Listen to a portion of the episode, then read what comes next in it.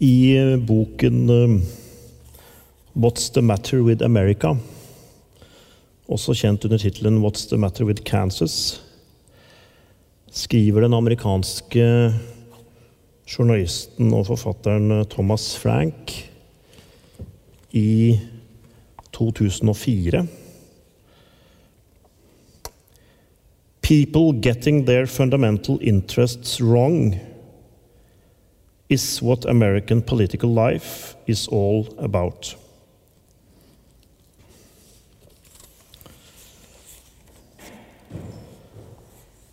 Han fortsetter eh, med å snakke om eh, the great backlash,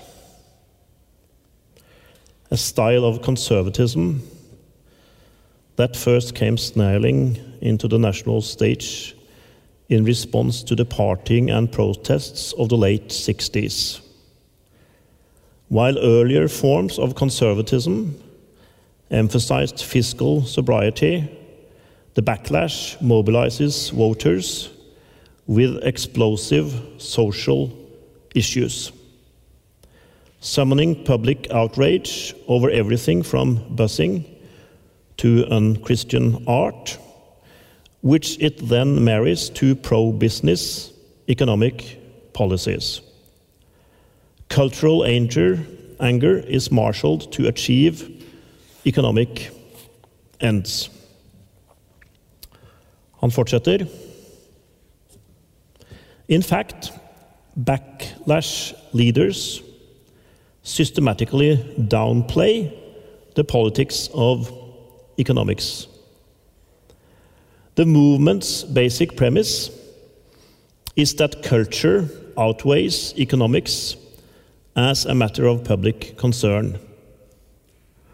What that values matter most, as one backlash title has it. On those grounds, it rallies citizens who would once have been reliable partisans of the New Deal to the standard of conservatism. Old fashioned values may count when conservatives appear on the stump, but once conservatives are in office, the only old fashioned situation they care to revive is an economic regimen of low wages and law regulations. Over the last three decades, they have smashed the welfare state reduced the tax burden on corporations and the wealthy, and generally facilitated the country's return to a 19th century pattern of wealth distribution. Thus, the primary contradiction of the backlash. It is a working class movement that has done incalculable historic harm to working class people. The leaders of the backlash may talk Christ, but they walk corporate. Values may matter most to voters, but they always take a backseat to the needs of money once the elections are won. This is a basic earmark of the phenomenon, absolutely consistent across its decades long history. Abortion is never halted affirmative action is never abolished. The culture industry is never forced to clean up its act. Even the greatest culture warrior of them all was a notorious cop out once it came time to deliver. This is vexing for observers, and one might expect it to vex the movement's true believers even more. Their grandstanding leaders never deliver their fury mounts and mounts, and nevertheless they turn out every two years to return their right wing heroes to office for a second, a third, a twentieth try. The trick never ages, the illusion never wears off. Vote to stop abortion, receive a rollback in capital gains taxes. Vote to make your country strong again receive deindustrialization. Vote to screw those politically correct college professors, Receive electricity deregulation. Vote to get government off our backs. Receive conglomeration and monopoly everywhere from media to meatpacking. Vote to stand tall against terrorists. Receive social security privatization. Vote to strike a blow against elitism. Receive a social order in which wealth is more concentrated than ever before in our lifetimes, in which workers have been stripped of power and CEOs are rewarded in a manner beyond imagining. Dette skrev Thomas Frank for eh, 13 år siden. I eh, en eh, valgkamp om å bli president, som den gang sto mellom demokraten John Kerry og George Bush, som da ønsket å bli valgt for en ny periode. Og vi kan si i ånden til denne analysen jeg har gitt nå fra Thomas Frank, at et avgjørende øyeblikk i den valgkampen mellom Kerry og Bush, og Bush, som kom til å gjøre at kanskje da løpet var kjørt for Kerry, det var da Kerry i direktesendt fjernsyn ble tatt på fersken i å snakke flytende fransk. Hvorfor var det et slikt alvorlig drawback for den ene presidentkandidaten å bli tatt på fersken i å beherske et fremmedspråk? Det kan jo virke merkelig. I Amerika så har vi uttrykkene 'those in the know' og 'those in the have'. Og dette konservative backlashet som Frank da analyserte, slik vi så for 13 år siden, det dreide seg da, og dreier seg nå i våre dager under Trump, om å vri oppmerksomhet, og dermed også sinne, vekk fra økonomiske spørsmål til kulturelle eller såkalte verdispørsmål. Herunder navnet 'culture wars'. At denne typen konservatisme er en konservatisme for å vinne tilbake fra liberals og leftists og andre in the know til de opprinnelige amerikanske idealene og den ekte tradisjonen. Dette artet seg før Frank skrev denne analysen i 2004, altså på 80- og 90-tallet. Mye som en kamp mot multikulturalisme, og da senere hen også mot globalisering. Og siden 2004 og frem til nå så er det jo særlig Tea Party-bevegelsen som har stått for dette ønsket om en renessanse for opprinnelige amerikanske verdier. Og når jeg da sa at dette er en konservatisme og et backlash som handler om å vri oppmerksomheten vekk fra økonomi til kulturelle spørsmål, så må vi problematisere akkurat den delen av Franks analyse nå i lys av Trump, som jo i sin valgkamp var veldig opptatt av økonomi, og spesielt da amerikanske arbeidsplasser. Før jeg sier noe mer om økonomi, så har jeg lyst til å si noe i et enda større bilde enn akkurat det som gjelder de siste to-tre tiårene. Og det er eh, mange kommentatorer nå som eh, snakker i termer av eh, århundrer, med tanke på om innsettelsen av Trump markerer slutten på en lang epoke og overgangen til en ny. Jeg skal da si litt om Eh, hvilken epoke det da kan være tale om at er avsluttet. Det 20. århundre var eh, langt på vei preget av eh, humanisme og rasjonalisme som bærende ideer for demokratiske samfunn. Og særlig siden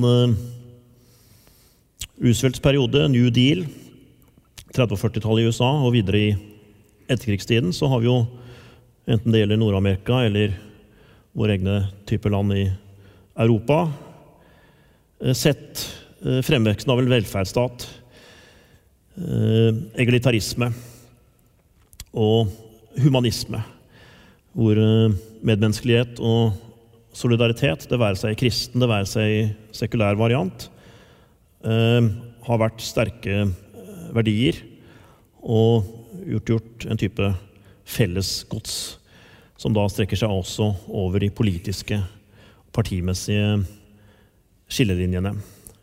Og det har vært i det store, særlig siden 45, en periode der hver ny generasjon har hatt en berettiget forventning om å få det bedre enn de foregående.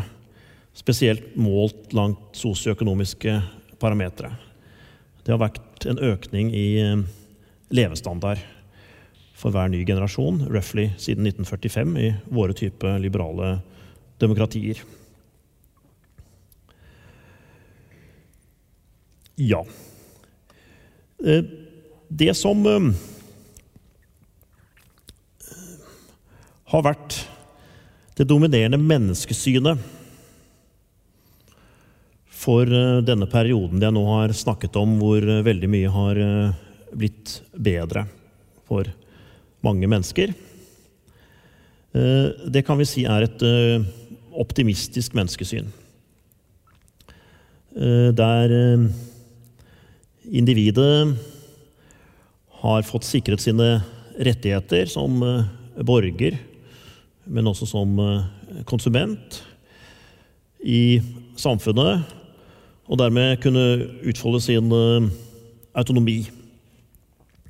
Så selvbestemmelse og valgfrihet har vært eh, viktig her, og det har vært en optimisme da med tanke på at det er den opplyste egeninteresse som er bestemmende for eh, beslutningene som individene tar, og hvordan de stemmer ved politiske valg osv. Og, og rasjonalitet i betydningen av eh, argumentasjon, av å kunne la seg korrigere, kritisere, overbevise av andre når de har eh, overbevisende argumenter, når de så å si vet bedre, har også vært sentralt.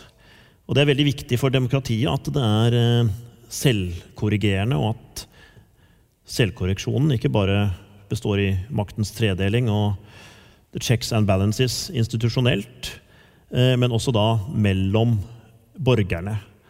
At eh, de møter hverandre, og folk som mener noe annet, har annen politisk overbevisning eller tro, med et åpent sinn med tanke på at det kan være noe å hente, også de som da tenker og stemmer annerledes. Og vi kan si at eh, med tanke på etterkrigsfasen og tiårene fremover, så var det mye som ga støtte til eh, dette menneskesynet, og særlig denne troen på rasjonalitet og toleranse. Og det ble jo også koblet til markedsøkonomien, markedsliberalismen, som bidro til å la den enkelte kunne velge mellom alternativer. Etter hvert så har det ene området, den ene arenaen på samfunnet etter den andre blitt eh, omstrukturert til å bli marked. Eh, I form av eh, den utviklingen vi har sett særlig siden 79-80 med Thatcher og Reagan. Markedsgjøringen av hele samfunnet. Men det ble jo av de som da drev det frem, den typen konservative, den type høyreside, nettopp sett på som en utvidelse av eh, området der eh, individet, eller da konsumenten, kan opptre rasjonelt.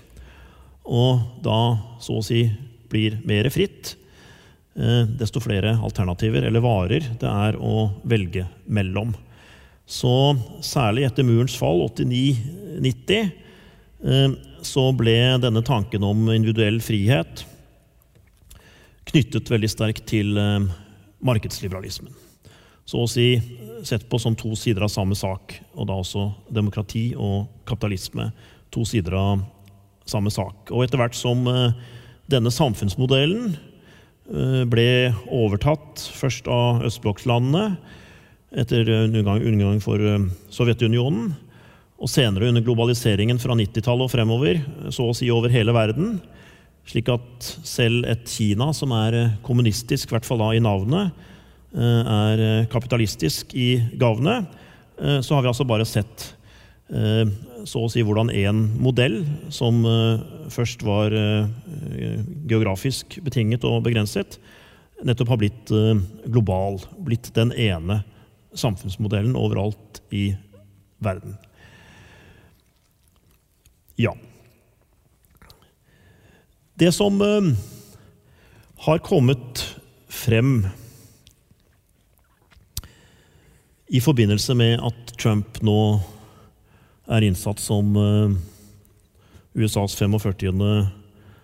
president, gir grunn til å revurdere mange av eh, de forestillingene, antagelsene, om eh, mennesket, og spesielt om rasjonalitet som jeg nå har eh, snakket om, og som var eh, delte oppfatninger eh, i den perioden jeg har snakket om.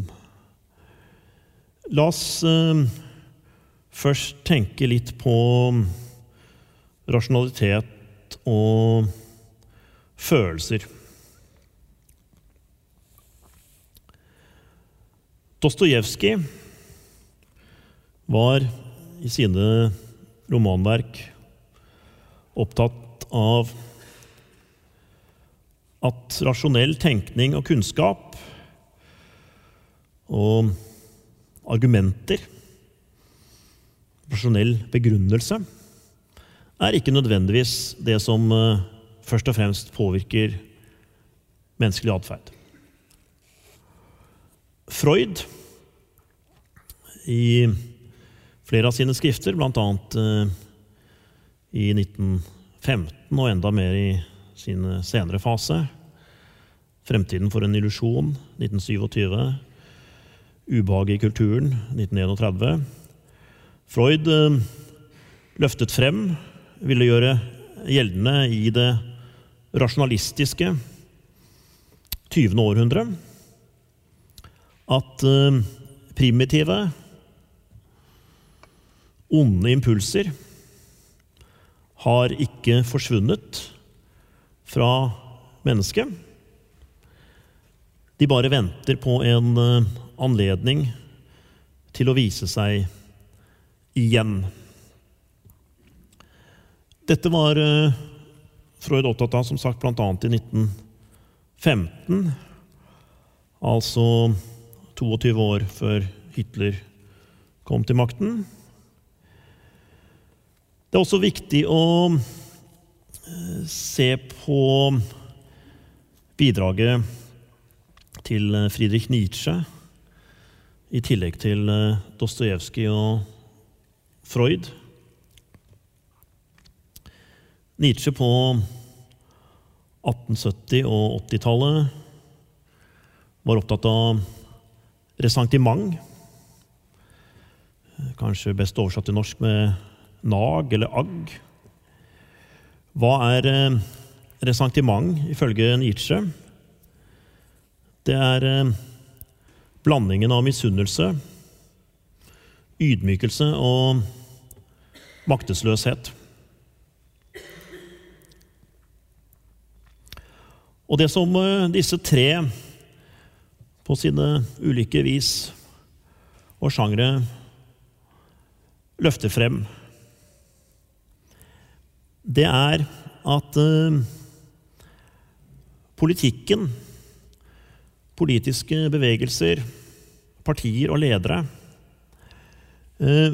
vil måtte forholde seg til også menneskenaturens mørke sider.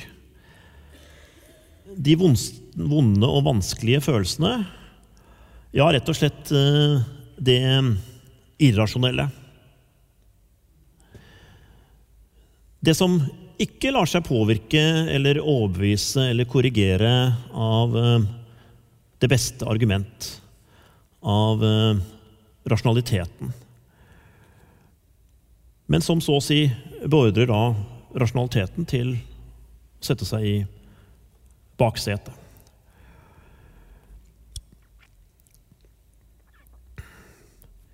La meg si litt eh, om eh, de sosiale faktorene som uh, er et bakteppe for at dette konservative backlashet som Frank skrev om i 2004, og som er viktig for fremveksten av Tea Party-bevegelsen, hvordan dette nå er en type bevegelse, en type reaksjon, som har kunnet uh, vokse seg stadig sterkere, og nå også da bidratt til å løfte Trump inn i uh, Det hvite hus.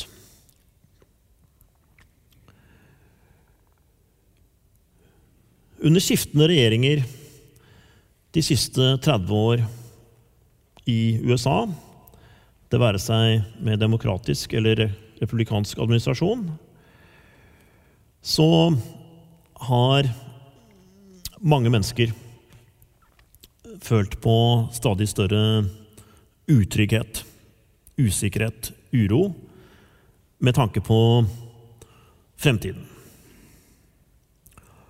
Og det har begynt å sige inn over mange at uh, denne fortellingen som lenge også var en realitet, om at hver ny generasjon vil få det bedre enn de forutgående, er ved å komme til sin eh, slutt. Og at man selv, eller ens barn, eller barnebarn i hvert fall, eh, vil oppleve forverring. Så det er et eh, skifte i mentalitet, i stemning, i atmosfære, som vi nå kan se har eh, vokst frem. Ikke da først og fremst i løpet av det siste årets valgkamp med Trump, men 10-15-20 eh, år eh, forut for det. Og som dermed også starter under glansperioden til en av de mest globaliseringsoptimistiske presidentene av de andre, Nemlig de åtte årene som Clinton satt i Det hvite hus på 1990-tallet. Helt tilsvarende for en Labour-leder som Tony Blair i England i samme periode og litt senere. Så det som skjedde da i denne første fasen av globaliseringen, som ble heiet frem av sosialdemokratiske partier, av Det demokratiske partiet, like mye som av de konservative og det nye Høyre fra Thatcher og Reagan og fremover. Eh, det er en globalisering eh, som eh, har betydd en forverret livssituasjon, en forverret økonomisk situasjon, forverrede sosiale kår for eh, veldig mange. Og etter at veldig mange begynte å føle dette på kroppen og bli rammet av det som eh, arbeidsløse, som eh, syke osv., så, videre, så har ikke denne type fortvilelse og bekymring for fremtiden blitt fanget opp i det hele tatt av eh, sentrum-venstre-partier. I stedet så har denne usikkerheten og forverringen eh, blitt fanget opp, blitt adressert, slik at disse menneskene har eh, opplevd seg sett og møtt av et stadig mer radikalt politisk høyre. Ofte da et utenomparlamentarisk høyre, slik som Tea Party-bevegelsen er et eksempel på. Og det er jo nettopp et av de paradoksene, eller en av disse overraskelsene, som eh, Frank i den nevnte boken og en rekke bøker etter det har eh, pekt på, og som vi også så i den ene passusen jeg siterte fra Frank nå, at eh, arbeiderklassen og tilhørende sosioøkonomiske sjikt på nedre del av samfunnsstigen har gått til høyre i sin stemmegivning, og ikke blitt værende eller gått til eh, venstre. De har gått til høyre eh, og ikke blitt værende da i det moderate høyre, men gått stadig lenger i retning av det radikale høyre. Og dette da under et inntrykk av at uh, arbeiderklassen og småkårsfolks interesser og elendighet og usikkerhet og uro og bekymringer helt overses av eh, den venstreliberale eliten. Og da er eh, John Kerry med sin flytende fransk et medlem av denne eliten som eh, ikke bryr seg, og som tilhører den ene prosenten som er vinnerne av globaliseringen, og som er globetrottere, og som selv ikke har noen som helst erfaringer med hvordan det er å ha denne skoen på foten, som eh, den jevne amerikanske arbeider nå har. Så det er en stigende og dyp splittelse, og så å si gjensidig fremmedgjøring eh, mellom eh, ledersjiktet, som definerer seg som left liberal, og vanlige amerikanske arbeidsfolk, da særlig på bygda og i rustbeltet, på den annen side. La oss da se litt på fenomenet Donald Trump.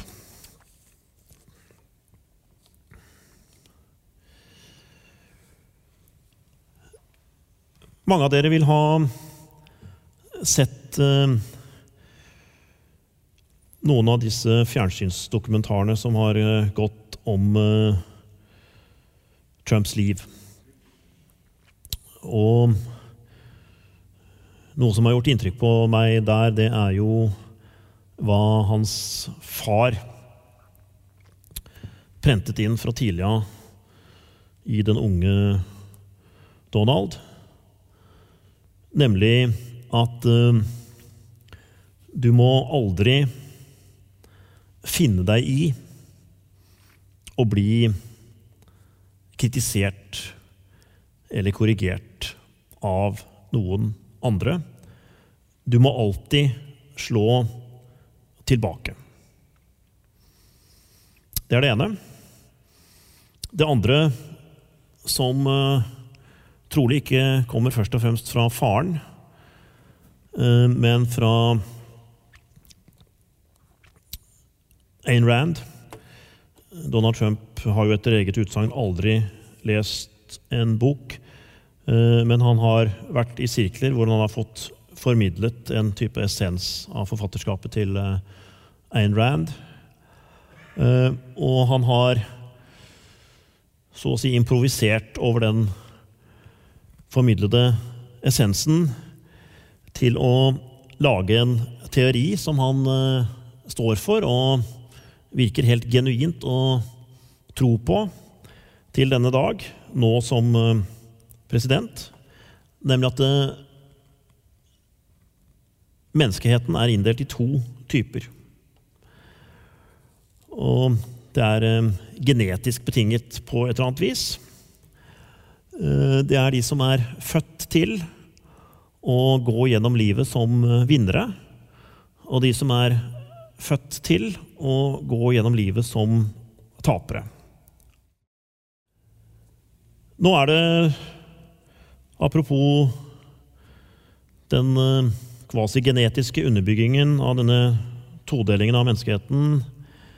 En eh, åpenbar konflikt med frimarkeds- og frihetsevangeliet til eh, kapitalismen, som jo Trump ideologisk også er tilhenger av. Så å si mellom full determinisme og full indeterminisme, og det er som kjent ikke så veldig mye imellom. Eh, men eh, det er jo en type filosofisk problem som eh, kanskje folk som jeg kan sitte og streve med, som Trump ikke trenger å ha. Så trenger vi da å forsøke å forstå hvordan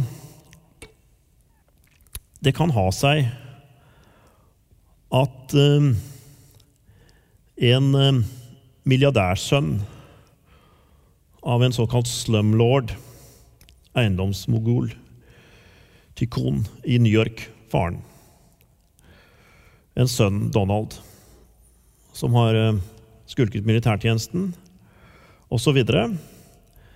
Hvordan han nå i valgkampen kunne ikke bare tillate seg, men eh, gjøre et stort nummer ut av. Å gjøre åpenlyst narr av foreldrene til en fallen soldat.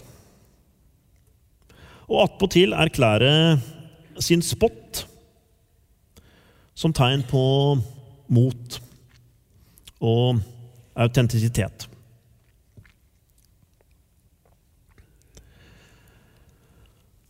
Trump har tydeligvis tydeligvis overfor store velgergrupper lykkes med å posisjonere seg som en som på merkelig vis forener det å være utsatt, det å være truet, det å ha mektige fiender mot seg. Og det å være en uh, født vinner. Det å være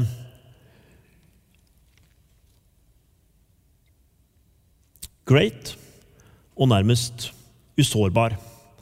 Han har klart å kombinere så å si disse to ytterlighetene, og gjør jo da det ved å plassere seg som en hvis meninger og stemme bekjempes og forsøkes silenced fra den politiske og økonomiske eliten. Og ved hjelp av denne retorikken så har eh, de sjiktene jeg nevnte, som har kommet dårlig ut av globaliseringen, dårlig ut av eh, outsourcingen, deindustrialiseringen, dereguleringen, som Trump, som unnskyld, Frank gikk gjennom i sitt uh, første sitat her. De har da sett Trump som uh, sin mann, eller vår mann. Så Trump har lykkes med å skape en type allianse, ja, nærmest en type identifisering mellom disse sjiktene, og ham selv, enda etter alle økonomiske og andre objektive variable, så er jo Trump et kroneksempel på den ene prosenten. Så vi kan si at rent faktuelt så er det en løgn at han skulle representere de som eh, ser seg som eh, tapere etter de siste tiårs eh, samfunnsutvikling. Men det er som om liberale, venstresiden, det demokratiske partiet, har latt plassen være åpen for at det skal komme inn en Maverick politikertype og fange opp denne misnøyen som eksisterer hos folk som opplever at de er på rask vei nedover. Degradering og deklassering. Og dermed så er det nettopp de følelsene, de drivkreftene, som eh, Nietzsche var opptatt av i resentimentet. Blandingen av misunnelse, ydmykelse og maktesløshet eller avmakt. Som eh, Trump da, i denne valgkampen i siste runde overfor eh, Hillary Clinton, eh, kunne gjøre seg til den selvskrevne, autentiske talspersonen for, mens Hillary da kunne assosieres med alt det andre. Med hvordan en Washington-elite hadde latt majoritetsbefolkningen i stikken. Nå spiller Trump et uh, høyt spill. Hva mener jeg med det? Jeg vil bare nevne hvilke grupper han uh, har lagt seg ut med. Jeg begrenser meg da av tidshensyn til uh, det innenrikspolitiske, men tar med hvem han la seg ut med både i siste fase av valgkampen og de skarve dagene som er gått etter at han ble innsatt som president 20.1. Muslimer, immigranter generelt, meksikanere spesielt, kvinner, Black Lives Matter og borgerrettsbevegelsen menneskerettighetsforkjempere. Akademikere og intellektuelle generelt. Klimaforskere spesielt. Urfolk generelt. Nordamerikanske indianere spesielt. Miljøbevegelsen. Jeg har sikkert glemt flere og ber om unnskyldning for det. Det som eh, da ligger i at listen allerede er lang over grupper som eh, Trump har lagt seg ut med. Det kan vi jo da si er denne ekstreme polariseringen som også eksisterte langt på vei eh, før Trump kom inn i manesjen som en av til å begynne med 16 republikanske presidentkandidater.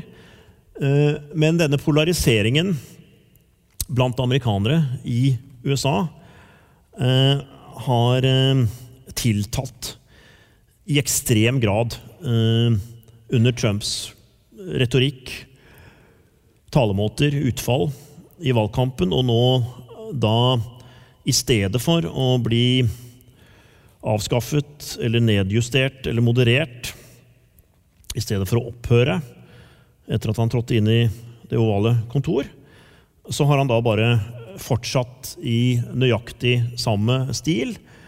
Også i eh, innsettelsestalen så er det denne veldig konfliktorienterte, polariserende måten å snakke til det amerikanske folk, som med unntak av en halv setning er hans eh, talemåte, er hans måte å kommunisere til sitt folk eh, på.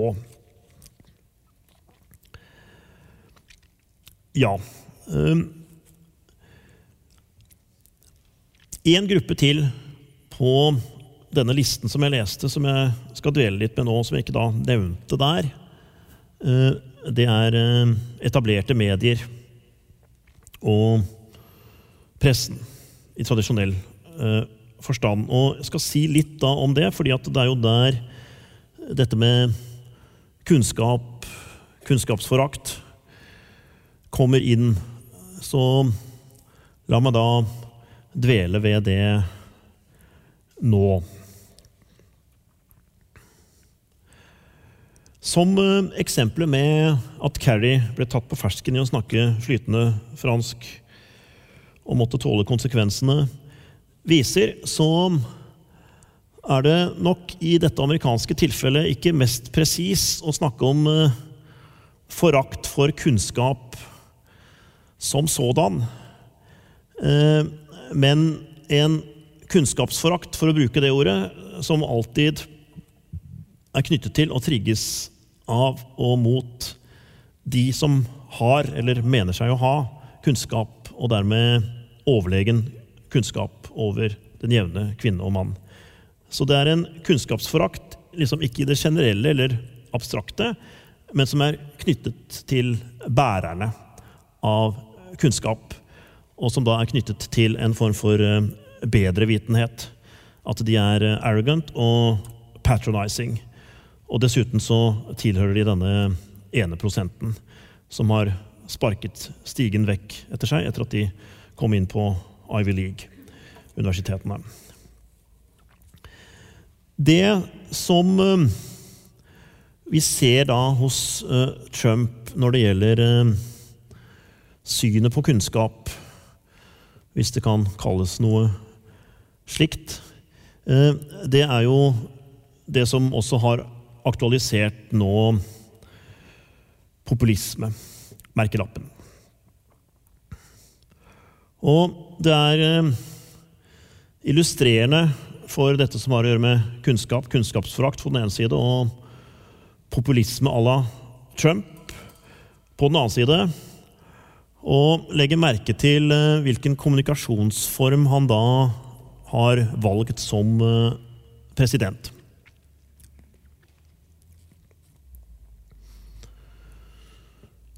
Den kommunikasjonsformen han har valgt, består i at han vil gå utenom etablert presse.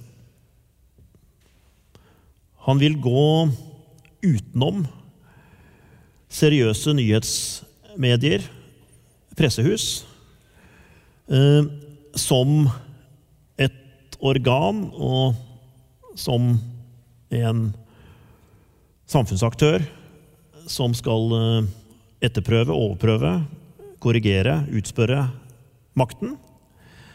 Med henblikk på at Trump kan eh, kommunisere, det vil da si tale eller tvitre, direkte til eh, folket. Og det kan være at uh, dette vil vise seg svært potent for hans formål og bidra til å så å si eh, styrke hans eh, stilling. Han bare hekter av den eh, rollen tradisjonelle medier har spilt. Nå er det jo fremdeles pressekonferanser, men de foregår jo da i en helt ny form. De har fått et helt nytt innhold og en helt ny funksjon. Så det er ikke anledning til noen spørsmål. Og pressetalsmannen lyver. Det er eh, konstatert fem blanke løgner i den første pressekonferansen. Og Trumps ledende kommunikasjonsrådgiver også under eh, valgkampen, Kellyanne Conway, tidligere Fox News, har nå gitt oss nyordet 'alternative facts'. Vi har jo fra tidligere fake news, som ligger på et litt annet nivå. Og eh, så kan man da si er, er dette populisme à la 2016-2017 eh, med de nye sosiale eh, mediene som da muliggjør og kan utnyttes, manipuleres, for denne formen for eh, populisme. Ehm, jeg har ikke tid til å gå så mye inn i hvilken grad Trump er en klassisk populist. Det er noen som mener at han er det, og andre mener at det er en del ting som teller imot at han kan kalles det. Ehm, han har jo da i hvert fall det populistiske ved seg at han påberoper seg å representere det autentiske eh, USA. Og knytter da også det til uh, dyden uh, mot. Så det er ekthet. Det er ærlighet. Og han forteller tingene rett og slett sånn som de er. Underforstått, til forskjell fra alle andre politikere. Så han, han slår mynt på at han har denne direktheten. Og det har tydeligvis virket forløsende for mange. Hvis vi ser på det han fremholdt i tiltredelsestalen, så var det jo da America first og Make America great again. La meg kommentere det veldig kort. Ehm, det har vært viktig, ser vi, etter at han kunne vinne denne valgkampen. Skjønt han gjorde jo ikke det, for han fikk 2,9 millioner færre stemmer enn Hillary. Men parentes slutt at det har vært vellykket øh, å komme gjennom med et budskap om at øh, vi er egentlig great. Og det må vi jo si har øh, funket da mot denne klangbunnen, denne resonansen, som eh, andre politikere eh, nettopp ikke har tappet inn i. Eh, dette med hvordan snakke til mennesker som egentlig føler mest på at de er tapere. Så Trump har jo sånn sett hatt et budskap om at de av oss som føler seg som tapere eller er redd for å bli tapere, Ehm, er egentlig great og bare må, må så å si hjelpes eh, til å bli store igjen. Eh, nemlig da ved en ny økonomisk politikk som gjør at vi, vi tar jobbene som ble stjålet fra oss, særlig da på en eller annen mystisk måte av kinesere, tilbake igjen eh, til USA. Og her kunne det være mer å si om dette med vinner og taper. For det var jo også slik at Trump De gangene det ble spontane protester mot ham på valgmøtene, spesielt ved én anledning, eh, ble om at eh, en eh, farvet gutt, som da ropte anti-Trump-slagord og avbrøt Trump, av Trump ble beordret båret vekk og fjernet, slik vi tidligere pleide å gjøre med slike svarte tapere. Sitat slutt. Så Trump har jo også hatt eh, denne retorikken eh, overfor, eh, for tapere, og dette med at, at, han først og fremst er en vinner. Men vi må da også si at i sosiologisk forstand så har han truffet da hjemme de som har gode sosioøkonomiske grunner til å se seg som eh, tapere, eller globaliseringens tapere, om man vil. Så det er da dette budskapet 'Make America Great Again' og 'America First'.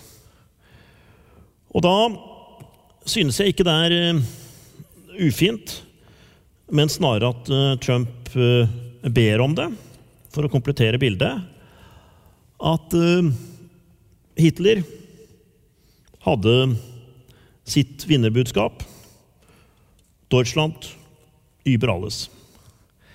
Så kan man jo si at den sammenligningen du gir deg inn på nå, den er usaklig. Og her gjelder det å ikke se spøkelser ved høylys dag. det Trump vil med slagordet, eh, det er jo en type nasjonalisme og en type proteksjonisme, økonomisk proteksjonisme, eh, og ikke minst en type patriotisme, eh, som på ingen måte må slås i hardkorn med den kompromitterte nasjonalsosialismen til en, eh, en Hitler. Eh, og dermed til den nazistiske eller fascistiske ideologien. Nå er ikke jeg eh, veldig sikker på at det er grunnlag for å snakke om Trump som fascist. Eller å si at vi nå synes å tre inn i eh, nyfascismens eh, epoke. Men når det er sagt, så skulle jeg ønske at jeg hadde hatt mange flere gode argumenter for å begrunne en slik eh, motvilje mot å gjøre nettopp det. La meg si, og komme inn for en type landing her at sammenligningen med Hitler tvinger seg frem. Den kan jo selvfølgelig konkludere med at eh, det ikke er noe gyldig sammenligning. Men eh, det tvinger seg frem å, å foreta en sammenligning. Eh, rent økonomisk, sosiologisk, så er det, som mange har pekt på, også før Trump nå kom inn i den politiske manesjen for bare et år siden. Mange har pekt på i flere år at det er eh, foruroligende likhetstrekk mellom denne fasen vi er i nå, og mellomkrigstiden. Altså tiden forut for triumfen til eh, fascisme og nazisme i Europa, og selvfølgelig da også en verdenskrig. Eh, det er veldig lett å peke på de faktorene. Trenger ikke gjøre det overfor dette publikummet her, med hensyn til uh, usikkerheten, uh, avmakt, uh, fremskyndet av stigende arbeidsløshet osv. Og, og i det hele tatt en veldig akselererende endringstakt i samfunnet. Så der er det helt klart likhetstrekk når det gjelder tiden. Når det så gjelder personlighetene til disse to skikkelsene, så øh, var nok øh, Hitler en som hadde andre typer talegaver, og nok også en annen type karisma enn øh, Trump. Men i Trumps tilfelle så er det muligens en narsissistisk personlighets forstyrrelse ute og går. Og det er noe eh, veldig foruroligende ved at uh, denne narsissismen Uten å psykiatrisere den ytterligere, diagnostisere den ytterligere her, det trengs ikke for mine formål. Denne narsissismen den uh, har tydeligvis ikke talt imot ham og hans valgbarhet, men vært med å muliggjøre at han ble valgt på den måten han ble. Altså ikke skapt eh, redsel eller avsky og gjort at folk eh, ikke har villet eller turt å stemme på en slik figur, men har fått folk til å stemme på ham. Og Den vanlige figuren for å forstå dette, da, det er jo at eh, dette er uh, folk som uh, identifiserer seg Eh, og som eh, kanskje da ser den storheten eh, de selv føler på at de mangler eller er fratatt, i denne lederskikkelsen. Det er, det er, liksom de analysene vi er vant til også når det gjelder å forklare Hitlers eh, popularitet. Imidlertid så har eh, Trump en eh, form for eh, selvopptatthet som eh, egentlig ikke er knyttet til noen eh, ideologi. Eh, Hitlers grandiositet, hans omnipotensfantasier osv. var knyttet til en ideologi, og han utarbeidet langt på vei en ideologi i Mein Kampf. Og man kan si mye rart om den narsissistiske verdensanskuelse og selvmotsigelsen og paradoksene osv. i det byggverket der. Eh, men det var denne fusjonen eh, mellom eh, personlighet på den ene side og denne type ideologi på den annen side, som også skapte grobunnen for dette at Hitler kunne si at til folket uten dere er jeg intet, og uten meg er dere intet. Altså nettopp denne fusjonen som er magisk mellom leder og, og folk. Ehm, Trump spiller ikke på akkurat de strengene.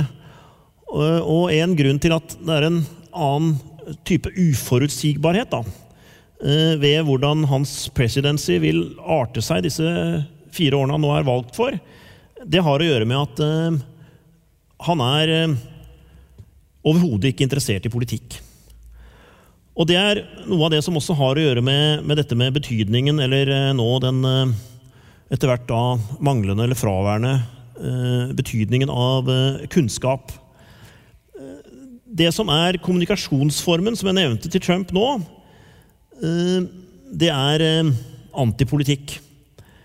Det er nettopp at det er ingenting som det gir god mening å diskutere om, slik at ulike meninger brytes mot hverandre i en eller annen form for offentlighet. Hele den tankegangen der, med checks and balances og det som jeg åpnet med å snakke om, å kunne ha noe å hente fra folk som mener noe annet og har andre erfaringer, eh, er på en måte nå koblet av den type politikk som Trump ønsker å drive. Så det er en eh, antipolitikk. Og det spørsmålet som det reiser, og nå er jeg nødt til å komme inn for en eller annen landing, det er eh, hvordan politics as usual som de fleste andre driver med. Altså hvordan de som har pleid å være interessert i politikk og bedrive og organisere politikk, skal møte en president som er eh, mest opptatt ikke av Amerika eller verden, men av seg selv, 24-7, eh, og dermed egentlig er en antipolitisk politiker. Han ble selvfølgelig valgt på å ha en retorikk om at han var den som var utenfor establishment. Hvordan alle som jeg sa, driver med politikk på den vante måten, og ikke nå akkurat skjønner hva som skal være alternativet, skal håndtere og møte, og på en eller annen måte da kunne også klare å bremse eller stanse Trumps antipolitikk. Takk for oppmerksomheten.